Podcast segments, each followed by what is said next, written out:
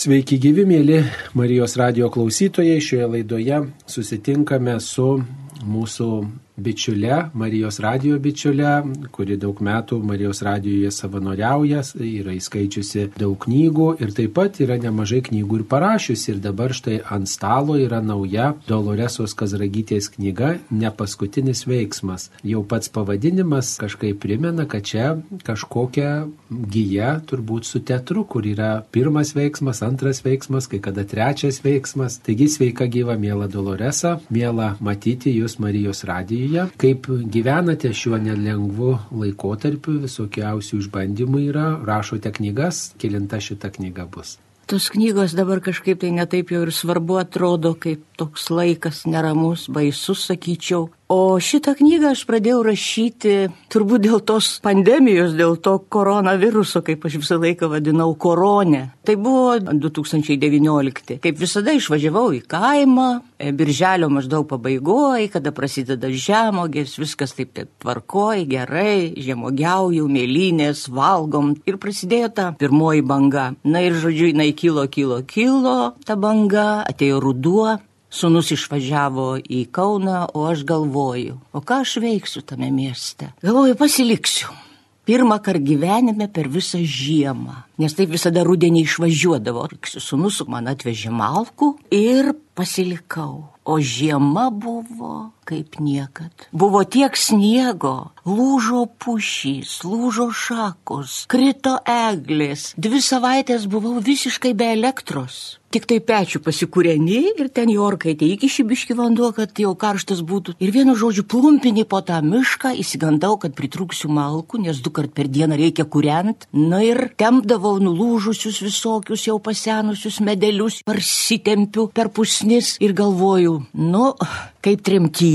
Bet paskui galvoju, ne, Ne kaip tremty. Tremty žmonės valgyti neturėdavo ko. O aš valgyti turiu, net per daug. Nes kas savaitę atvažiuodavo tokia lavkė, kaip mes vadinom. Autobusiukas toksai, tai ten prekių kokių tik nori, kaip mažytė maksima. Tai va, tai aš pasilikau tą žiemą, nu ir ką, televizoriaus neturiu, radiją tik tai klausau, vakarai greitai temsta, ežeras užšalęs, dangus pilkas, reikia rašyti. O ką rašyti? Ai, galvoju, kaip Dievas duos. Nu ir pradėjau. O pavadinimas, aš nežinau, tiesiog ateina va taip. Tarp kitko, ant knygos antros pusės viršelio yra redakcijos toks komentaras, kaip visada būna. Jos tos moteris, kurios ten dirba, kažkaip atspėjo, vad kas tas mano rašymas yra. Taip, ne paskutinis veiksmas jau vienuoliktoji aktorės Kazragytės autobiografinių esė knyga. Pagalvojau, o kaip pavadino autobiografinių esė.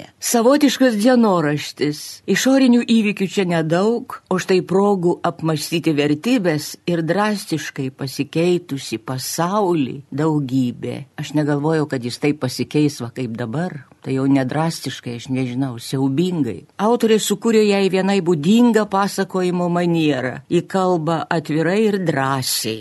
Geriau, toliau neskaitysiu tiek to. Ir čia tokia citata yra iš knygos. O juk suprantu, kad dabar pats geriausias laikas pajusti save, galų gale gali susipažinti su savimi. Ta pažintis prasidėjo seniai, kai išėjau iš teatro 2003 metais ir pamažu, pamažu, sunkiai lietai artėjau į tylą, į įsiklausimą.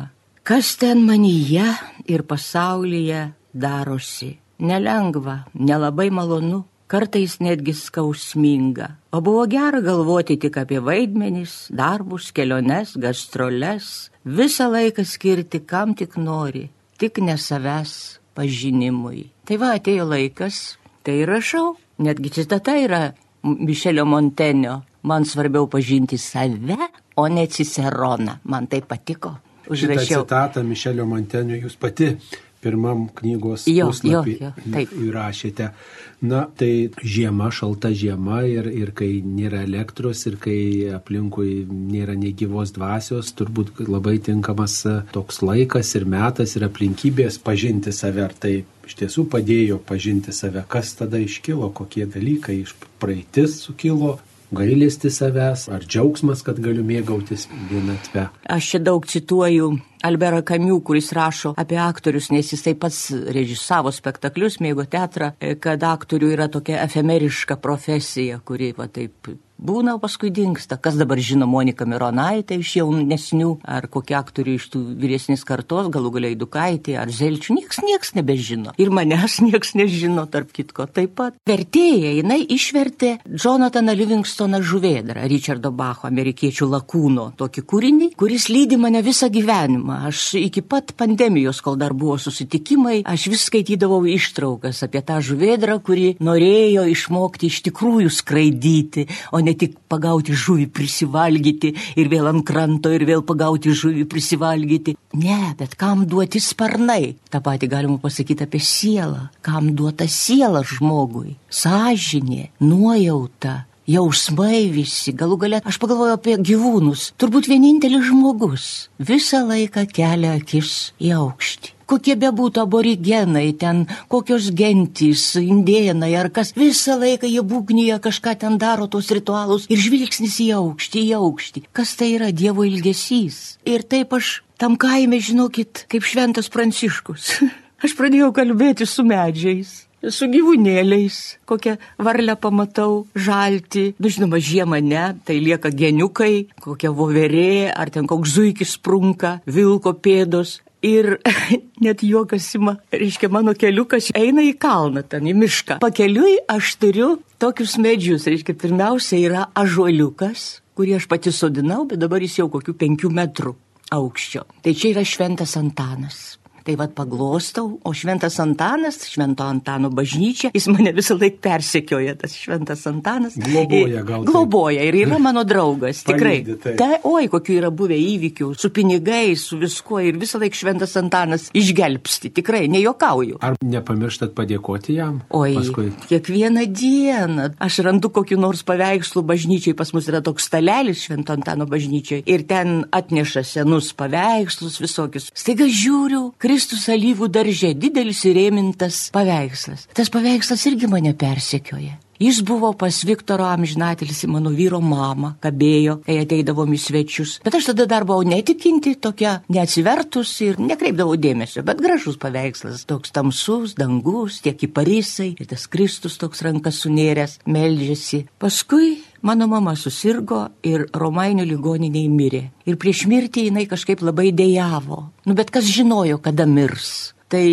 tą vakarą atsimenu, Seselis sako, reikia ją perkelt į kitą palatą kur nors, nes moteris jau skundėsi, kad labai dėjuoja, e, nešaukia nei nieko, bet a, a, taip dėjuoja. O mama buvo mano tokia buvusi kažkada revoliucionierė, mažo mokslo, bet šventai tikėjo, kad pasaulis gali būti kitoks, kad nebus vargšų. Žodžiu, mylėjo vargšus, viską išdalindavo, buvo labai geras žmogus. Nebuvo vietų, ją patalpino į palatą tokią, palatėlę su tokia kušetė, lova, spinta, kryžius, prie mamos galvos paveikslas, Kristus alyvų darže, vėl tas pats. Ir va tą, kai pamačiau paveikslą bažnyčioje ant stalelio padėtą, kaip nereikalinga jau. Aš pasėmiau tą paveikslą ir dabar jisai pas mane kabo, Sodyboj. aš prabundu ir aš jį matau. Tai va, tai taip ir miške, žinokit, mano medžiai. Nu tiesiog atrodo negaliu praeiti, aš turiu paglostyti, bent palies, bent pasakyti neturiu laiko, aš labai trumpai dėkoju, kaip vaikas, nu, bet man pasidaro linksma.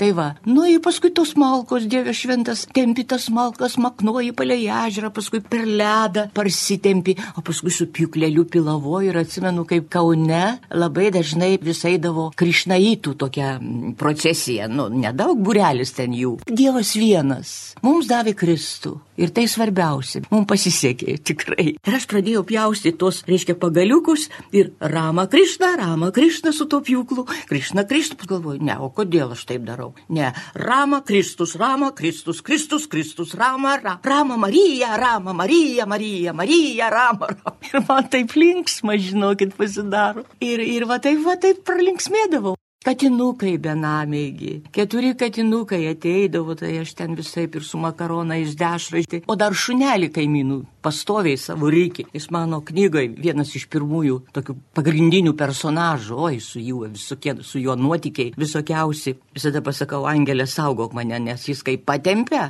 tai jau gali taip griūti, kad gali tikrai ranką išlūšti ar koją ar ką nors. Ir briedį matėm, ir elnę matėm, ir, ir, ir reikis plėšosi, o aš žiūriu į tą briedį ar, ar elnę stovintį ant keliuko miške. Dieve, tas susitikimas akių su laukiniu žvėrim Aš nemoku nusakyti, kas tai yra. Tai yra kažkoks amžinybės pojūtis. Tai yra kažkas, kaip Dievas sukūrė tą pasaulį. Tai atrodo, mes turim kažkaip tai bendrauti su tais gyvūnais. Tas ryšys turi būti kažkoks tai amžinas, tikras, nenaikinti jų. Na, aš suprantu, kad gal reikia kokius šernus kartais ar ką ten. Palaukit, kas pasakė. Man rodo šventas Augustinas apie kad kūrinyje visa dūsauja Ir mes dūsaujam, kūrinyje visą dūsauja ir nerasim ramybės, kol nenueisim ten.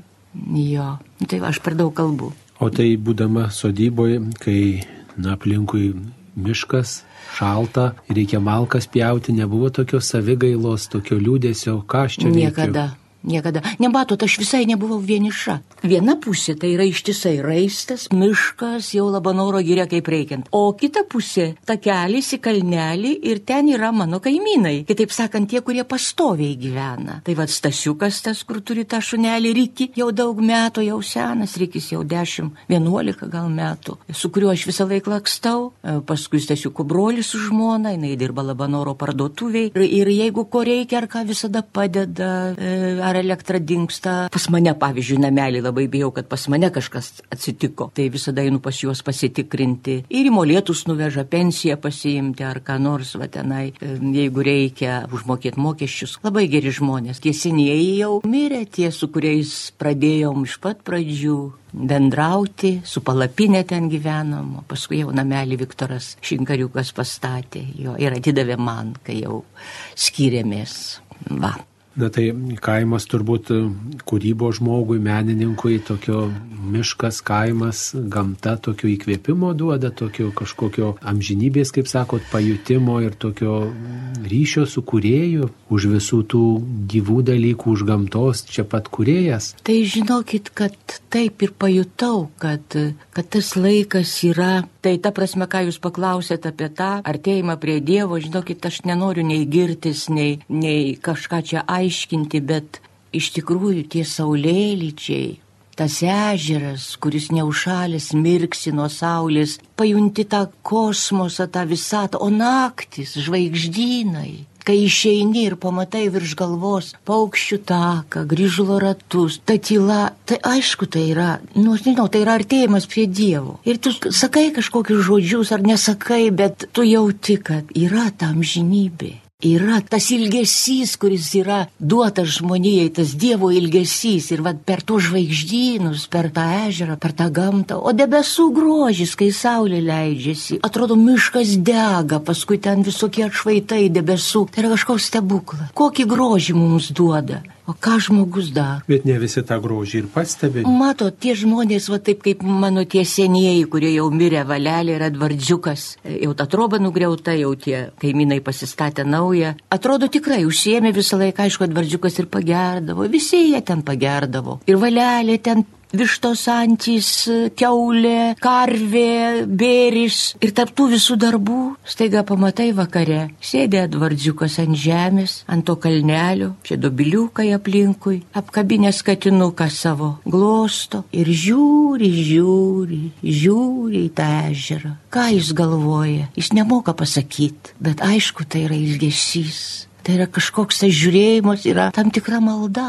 Gal dar geresnė negu kad ten bubenį ponosim, o mintis laksto į visas pusės, o jis glausto katinuką ir žiūri, net nemato, kad aš žiūriu, stebiu jį, taip ir palikau jį ten sėdinti, nuėjau į virtuvėlę pasvalyti, pasišnekėti. Bet tokiems žmonėms kažkaip tai Dievas yra maloningas, aš irgi prašau tokios mirties, kaip mano valytė mirė, ta senutė. Ir jinai tenai toj lovelį, keuras dienas sėdi, mažai valgo. Ir vieną rytą mes su Stasiuku išėjom grybauti voveruškas rinkti. Nu, išėjom grybaut, aš parėjau pirmoji, kažką ten krapštausi, ateina Stasiukas, sako, ateik, man atrodo, mama mirė. Aš nueinu į viršų, atidarau dureles ir matau, guli valytė, va taip, va, abi rankelės, va taip pasikišusi po skruostų, užsimerkusi, ir va taip guli kaip miegodama, miega. Bet jau tokia atvėsus, atšalus, akytės užmerktos ir supratom, kad mirė nekvepuoja. Aš skambinu jos marčiai, Reginai, kuri Labanoro parduotuvėje dirbo. Aš sakau, Regina valytė mirė. Ką daryti? Sako, paimk šventą paveikslą. E, ten, sako, stalčiukė prie jos spintelė yra. Sako,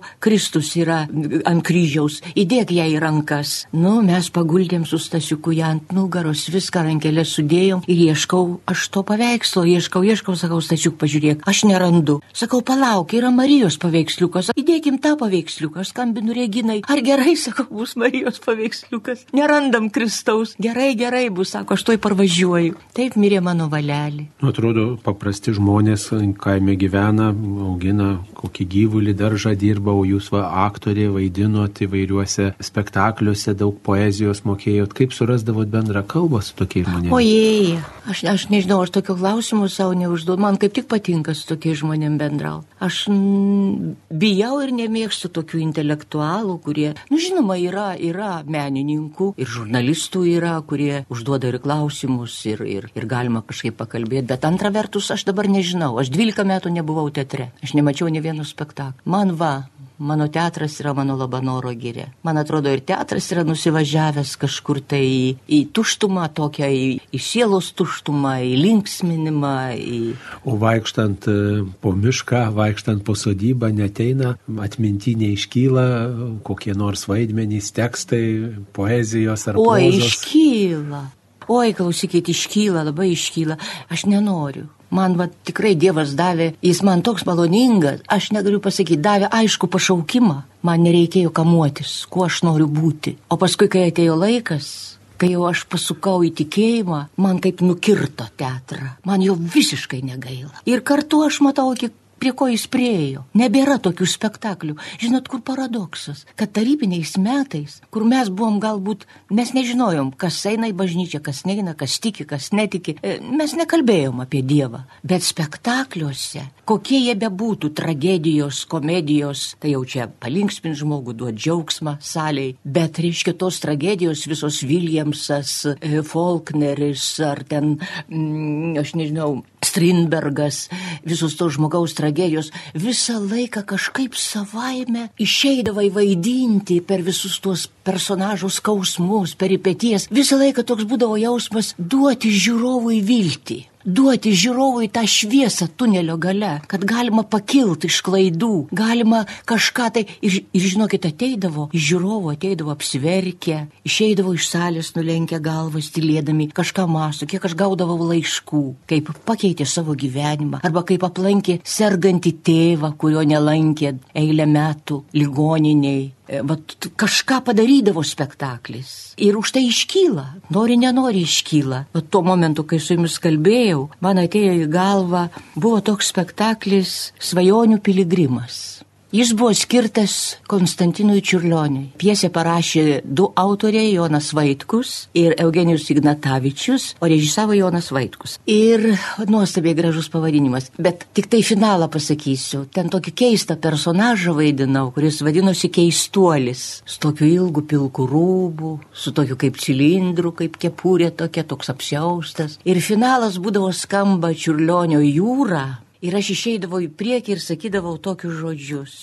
O viltie, nejaugi tu negryši su savo laimė šviesa ir nekalbėsi apie gydybę.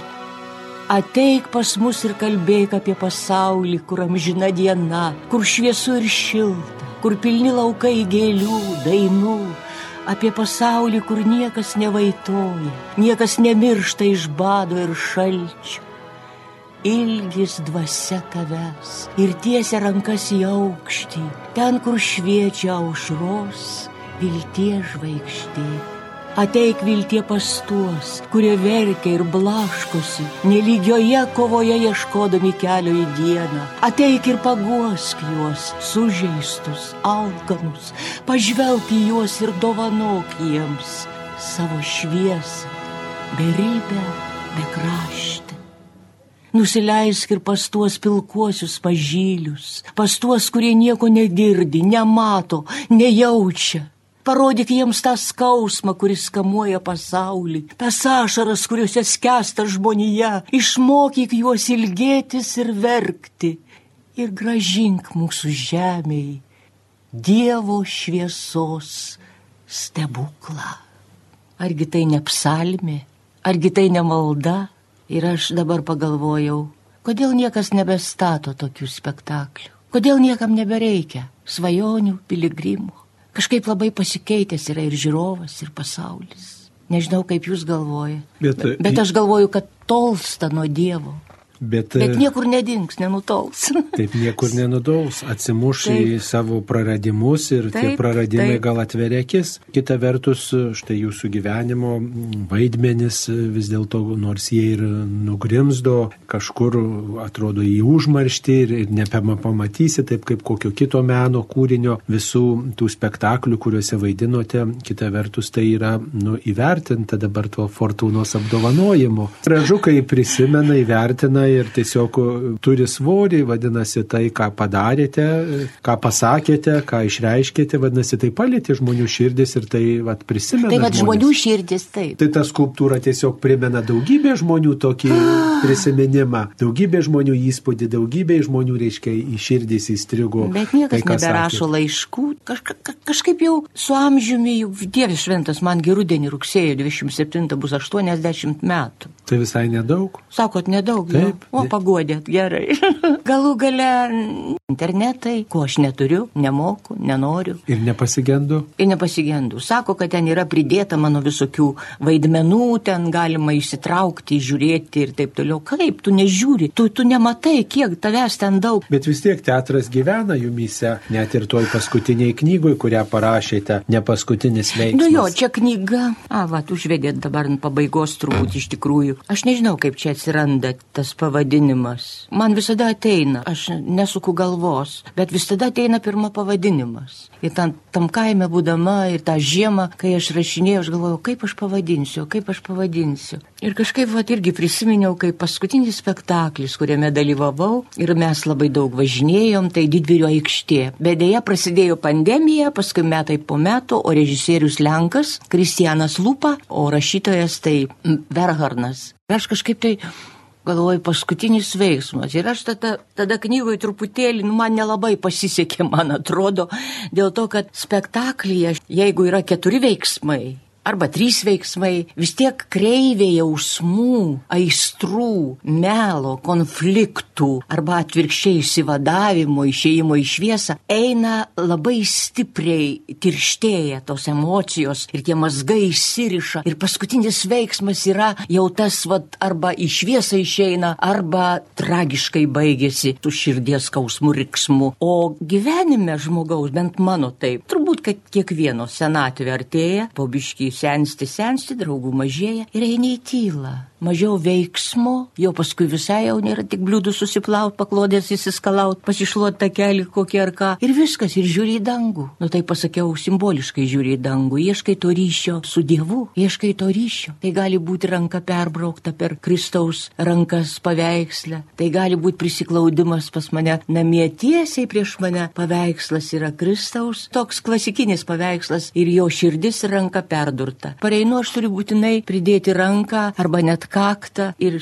pasakyti kažką arba nepasakyti, bet ko ne, man nesvarbu, šedevras, ne šedevras, skoningas, neskoningas, man vienodai rodo. Svarbu, kokią žinią neša. Svarbu, kokią, o labai gerai pasakėt, jo, svarbu, kokią žinią neša. Ir va tada pamažu, pamažu. Ir va knygoje yra tas toks, pamažu eina pas mane tie vakarai, tie ta gamta ir kartu yra teatras, yra prisiminimai truputėlį. Nes mano herojas tai vienai beprotnami blanša, išvežama, uršulė vėžių serga, e, kita šaukia e, atleidimo Dievo Strindbergo klerė e, už savo nuodėmės ir taip toliau. Freken Julija nusižudo vat visi tokie vaidmenys. Na nu, tai gal tie vaidmenys tiesiog labai kažkokiu apvaizdos būdu susiję ir su jūsų vardu, su pulingoji. Nenoriu apie tai galvoti, bet žinokit, jaučiu labai keista, kad man davė kai, kaimietiai, mergytei, gimusiai Rusijoje, netremtiniai, o kaip komunistai pabėgo nuo vokiečių mano tėvai. Tas vardas buvo man tiesiog koronė mokykloje visur. Nemokėdavo žemaituką ištart. Dolerisa, dolerį, dolerį, visai kaip tik manęs nevadino. O paskui kažkaip tai brolis pradėjo vadinti. Resa, resa, risa, risa. Ir, ir tada man pasidariau risa. 85-6, kai, kai viskupas Eugenijus Bartulis mane pakrikštijo ir aš pradėjau jau skaityti ir, ir Evangelijas, šventą raštą ir taip toliau, aš supratau, ką tas vardas reiškia. Ir kada buvo sutvirtinimo sakramentas, va čia katedroje, Kaune. Ir aš galvoju, o kam čia man galvot kokį vardą? Marija. Ir esu Doloresa Marija. Nu. Bet tas vardas paskui turbūt jau kaip atradot ir tikėjimą, kaip tiesiog viešpats pašaukė jūs į tikėjimo kelionę. Na tas tame varde, tas skausmo žinia ir jūsų teatre, va, tie vaidmenys susijęs su skausmu ir gyvenime teko turbūt daug ašarų nubraukti ir atodusių, tokių pakelti dangų. Va, tas skausmas turbūt prie jo neįmanoma priprasti. Žinot, aš priėmiau. Aš jį priėmiau ir aš paėmiau, va, taip, va, tiesiog, va, Marija, pas mane irgi kabo jos širdis ir su karūna ir be karūnos visai keli paveikslai. E, man visada, kai yra sunku, aš visada turiu prieš akis Mariją, galvoju, o ką ji turėjo iškentėti? Ką ji turėjo iškentėti Jeigu taip mano Tomą pakabintų ant kryžiaus, perdurtų jam rankas ir širdį ir kojas, o čia Kristų, kuris buvo Dievas. Ir aš visada šaukiuosi jos. Aš buvau į Lurdę du kartus. Į Šiluvą anksčiau vieną nuvažiuodavau su autobusu. E, man Marija yra labai svarbu. Aš, aš matau, žinot, visą aktoriaus vaizduoti. Ir jinai, kaip ten parašyta, dedasi viską į savo širdį, bet tai yra kentėjimas, kančia jinai atidavė savo sūnų, jinai nelindo prie jo, jinai nelaikė už skverno, jinai atidavė jį mums. Oi, jinai yra kančios karalienė, tikrai. Bet tas tikėjimas jai padėjo tą skausmą, kokį jinai gyvenime patyrė iškesti, matyti jinai prasme, turėjo, kai jinai to nematė. Taip, jinai turėjo viduje tą, jinai tikėjo, ką jis sakė. O jums jis... tikėjimas, krikščioniškas tikėjimas, bet kokį skausmą, kurį vat, ir dabar galbūt tenka e, pakelti, priimti, įvairiais būdais ateinantį padeda Oi, tiesiog kunigė, įprasminti. Aš nežinau, kaip galima gyventi be tikėjimų. Aš nežinau, kaip. kaip. Ateina mirtis, senatvė, sukiušti, sulūšti. Ar yra žmogus neturintis tikėjimo? Aš manau, kad net ir, kaip kažkas yra pasakęs, kad ateistų nėra. Kažkas paskutinę akimirką, kažkas jaučia, bet nemoka pasakyti arba išsiduoti nenori. Negali būti be tikėjimo. Aš nežinau. O, o mes, kurie vat, taip iš tikrųjų įsikabinę į Kristų, nu jis yra viskas. Bet jūs domitės ir kitais tikėjimas kažkaip, ką galima. Galbūt... O taip, taip, aš Koraną visą perskaičiau. Labai Bet daug. grįžtat prie Kristaus. Kadangi Korane, žinokit, jie visi labai e, garbina Kristų ir Mariją ir labai daug yra visa, visai Mahometo, jisgi 500 metų po Kristaus pradėjo visą savo tą kelią tikėjimo musulmonišką. Tai visas, viskas jau buvo ir Kristus ir Marija ir jie tą viską priima. Tik jie nepriima, kad Kristus Dievas, kad tai buvo galingas pranašas, kaip ir Mahometas ne Dievas, jie neskaito, kad Dievas, aš nežinau, kuo jie jį, jį laiko, o Dievas kas Alachas ar kas, aš nežinau. Bet, bet man buvo įdomu paskaityti, o Kristus yra, Kristus yra nepaprastas. Atsakymai į visus klausimus. Jūsų knygose turbūt Kristus šmėžuoja e, kiekvienam puslapį, kiekvienam skirelį, nors ir nepaminėtas, bet ta nuostata, Kristaus nuostata, kokia jis turėjo į žmogų, į, į, į silpnesnį, į mažesnį, turbūt jaučiama visose knygose. Tarp kitko, jūsų knygų pavadinimai tokie labai poetiški - lengvi vienatvės atodusiai, ramybės nerimas, raudonės sandaliukai, be pabaigos, kasdienybės rožinis, kur skrendi vienišas paukšti ir dabar ne paskutinis veiksmas, tokie su tam tikra potekste. E, potekste, į, kuri, reiškia, kreipia į gyvenimą, kreipia į tokį susimastymą, galima sakyti, su tokiu dvigubu dugnu. Ir turbūt rūpi perteikti tikėjimo žinę tose knygose visose, ar ne? Kad aš nieko daugiau neturiu. Tai yra svarbiausia, ką aš turiu. O visa kita, ar bubutė kokią sutinki, istoriją išgirsti, jokinga, linksma ar liūdna, tai užrašai.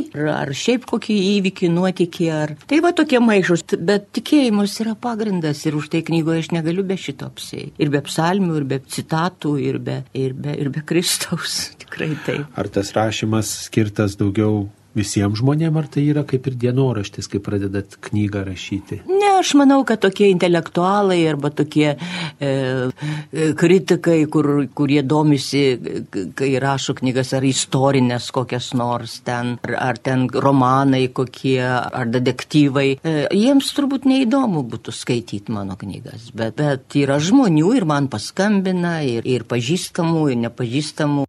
O ką pasakytume tiems žmonėms, kurie nu, va, neturi tikėjimo, kuriems vadžinia apie tikėjimą atrodo kažkas iš praeities, kažkas ne jiems, kažkas uh, močiutėjai, bet ne jam, mąstančiam šio laikiniam žmogui. Kaip galėtume kreiptis į tokį žmogų, kaip jį prakalbinti?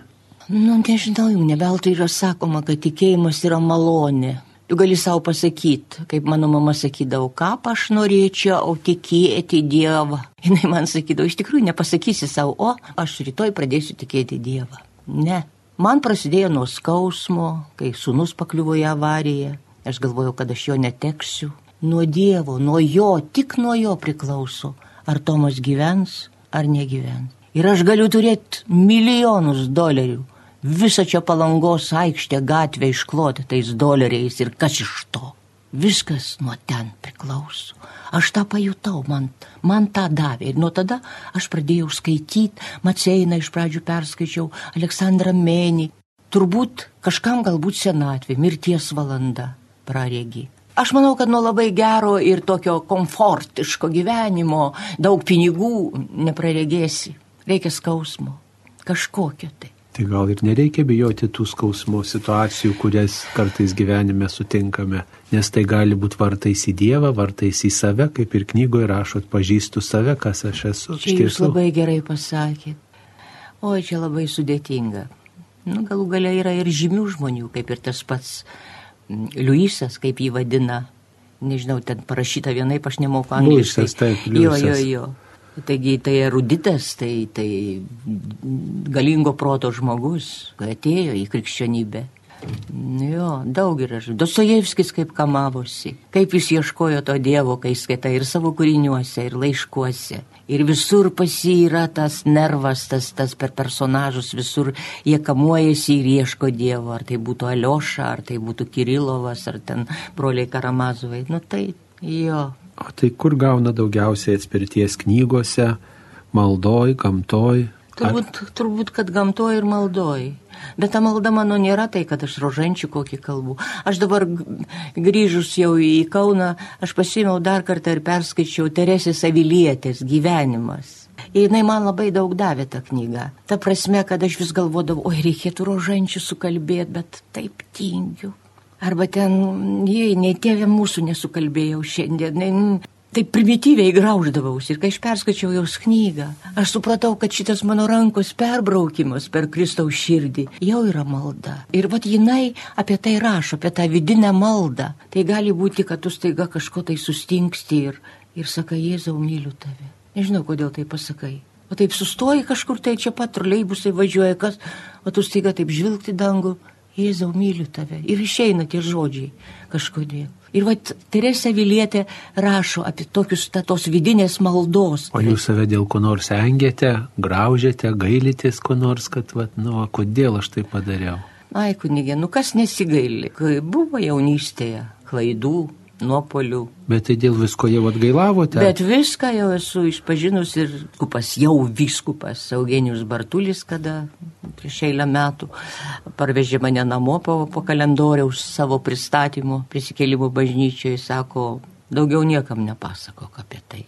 Ir Bet jau tą puslapį užvertė. Bet jau O dabar, sakykime, kai žmogaus gyvenimas, va taip, tokioj brandoj, yra vis tiek iškyla ir iš dabarties kažkokie dalykai, kuriuos norėtumėte taisyti, norėtumėte keisti, ar linkusi esat save kažkaip plakti dėl kažko. Aš žinot, kad turbūt ne. Kadangi tas gyvenimas dabar pasidarė toks, ypač sakau, to pandemija, dabar tas karas. Pastarieji penki kokie metai, gal daugiau, prieš penkis metus dar buvo daug tų susitikimų, važinėjimų visur, dar ir kaip apsirengti, gražiai atrodyti, o dabar jau tas nelabai ne berūpi, taip kad, kad aš ką nors keisti norėčiau, aš tik sakau, kad nebūtų blogiau viešpatį negu yra. Tai aš dėkoju už tą, ką aš turiu. Tai yra nuostabu, ką aš turiu. Visų pirma, aš tai turiu tikėjimą. Aš turiu Kristų. Aš jis yra Valaskezo toksai paveikslas ant knygos mm, Kristaus paskutiniai žodžiai vadinasi. Ir yra ant knygos viršelio ten toks veidas Kristos, galvoju, panašiai jis turbūt ant to kryžiaus taip ir atrodė, numiręs galvą nulenkęs. Nu tai va, tai čia, čia kaip pavilietė sako, tarp kitko jį labai daug skaitė ir knygos jai padėdavo. Tai aš skaitau knygas, aš ieškau tokių va, daugiau e, teologinių, tokių religinių knygų, bet jų netaip daug yra, jau daug esu perskaičius. O tada, kad užsimiršt ir kad užmigt, sunus iš manęs labai juokėsi ir gėdina mane, aš skaitau gerus detektyvus. Ypač e, šitų norvegų, švedų, tų trilerių amerikie, amerikoniškų ne. Bet švedai, norvegai, skandinavai, jie e, gerai rašo. Tai kaip čia užmigsi, jeigu veiksmas vyksta ir kuo baigėsi, noris pamatyti. Gali užmigti imdamas kokią, kur daug tarptautinių žodžių, kokią knygą, kur ten ties ja, pirmų puslapių. Aš skaitau jau dabar. Ir, ir, ir šiaip galvoju, mokslas jis ką? Taip, protas Mendelėjevai, visokie Einšteinai ir taip toliau, ir taip toliau, nesvarbu, nekalbėkime apie tos, kurie ten atominės bombas ir taip toliau, bet mokslas, Dievas davė tokį protą žmogui, kad jie ir blogį kuria, ir gėrį, bet jie kuria iš to, kas jau yra, jie dėlioja, atranda, sujungia ten ir vis, bet jie nesukuria, nesukuria, nesukuria to, kas yra jau sukurta. Ar tai būtų cheminiai dalykai, ar tai būtų kokie. Bet e, ką jie atranda, kokius dėsnius, ar ką tai jau yra. Jie tik tai paskui manipuliuoja, juos ten protas veikia ir jie ten išranda, suranda ir taip toliau. O, o viską sukuria tai, tai Dievas, jie tik tai iš to, kas sukurta, padaro mokslą. Nu, ir viskas. Laimingas tas žmogus, kuris atradęs Dievą arba tą dovaną turi. O mėla Doloresa, jūs turit kokią svajonę dar, kuri galėtų... O Įsipildyti. Čia va yra keli puslapiai apie tai, kas yra norai ir kas yra svajonės. Svajonių turbūt jau nėra, nes svajonė tai yra, va, tai teatrą, kai norėjau, aktorė būti norėjau. Trečią kartą norėjau į Izraelį ir staiga atsiranda Maskvoje mano tokia sena draugė, gerbėja. Sako, mano draugė gyvena Haifo, Izraelį, važiuojam, aš finansuoju, aš turėjau 300 eurų tik tai atliekamų. Ir mes buvom Izraelį trečią kartą. Nu, tikinčio žmogaus yra viena svajonė dar. Ne, svajonių jau ne. Tikinčio žmogaus vis tiek yra viena svajonė. Noras ir svajonė yra skirtingi dalykai. Taip. Noras yra daugiau toks žemiškas, toksai gal. O svajonė. Nor, o svajonė yra, nu va, į Izraelį nuvažiuoti, būti aktorė, kol dar nesi. O nukeliauti dangų.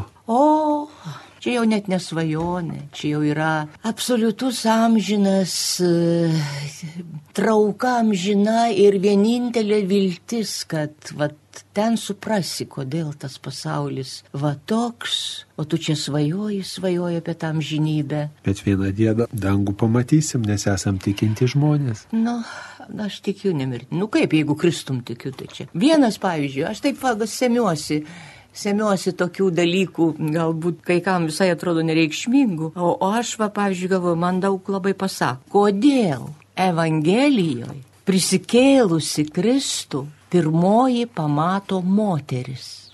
Juk vyrų kultas buvo. Juk moteris net iš šventyklos ten arčiau tą kiemą neįleisdavo vyrai atskirai, atskirai, atskirai. Ir kaip savo atsakėte šitą klausimą? Dėl to, kad Kristus visur norėjo nuo savo motinos ir per visas, reiškia, paleistuves, kuris braukė ten kažką ant smėlio ir sakė, ir aš tavęs nesmerkiu, nebenusidėk daugiau. Samarietė, kur Samarija, reiškia, žydai nedraugavo ir niekino Samariją. Visur pas jį eina, kad moteris yra lygiavertė vyrui. Tai yra tas pats Dievo kūrinys ir pas jį labai šviesiai eina. O man atrodo, kad pasirodė e, Kristus moterim dėl to, kad moteris buvo visiškai nuvertintos. Tai aš ir sakau apie tai. Ir Kristus ypatingai yra tas, kuris vertina tai, kas yra kitų nuvertinta. Ir dėl to tai, turbūt jis mylėtinas. Nu, jūs apibendrino tą, ką aš norėjau pasakyti. Mėla Dolores, ačiū, kad jūs čia susitinkate su mumis laidoje, kad galime kalbėtis ir štai laidos pabaigai noriu paskaityti visai tokią trumpą ištraukėlę iš jūsų knygos. Ačiū. Nėra pabaigos, vėl pavasaris, toks pats ir kitoks, vėl bus vasara, amžinai ta pati ir nepažįstama, vėl sirbžiamogės, vėl krislapai, liūdnai spalvingi, vėl žiema, vėl ir vėl atsisveikinimai ir vėl susitikimai iki pasimatymo. Taigi iki pasimatymo, mėla Doloresa, skaitysim jūsų knygą Ne paskutinis veiksmas ir lauksime kitų knygų. Būkite palaiminti. Labai ačiū, ačiū Jums, kad pakvietėt, praskaidrinot man dieną tikrai. Mėly Marijos radio klausytojai, šioje laidoje kalbėjome su aktorė ir taip pat e, rašytoja, parašiusią jau 11 knygų, Doloresa Kazragytė. Ir šią progą norime Jums priminti, kad galite skaityti jos knygą Ne paskutinis veiksmas. Aktorė Doloresa kalbino už kunigas Saulis Bužauskas.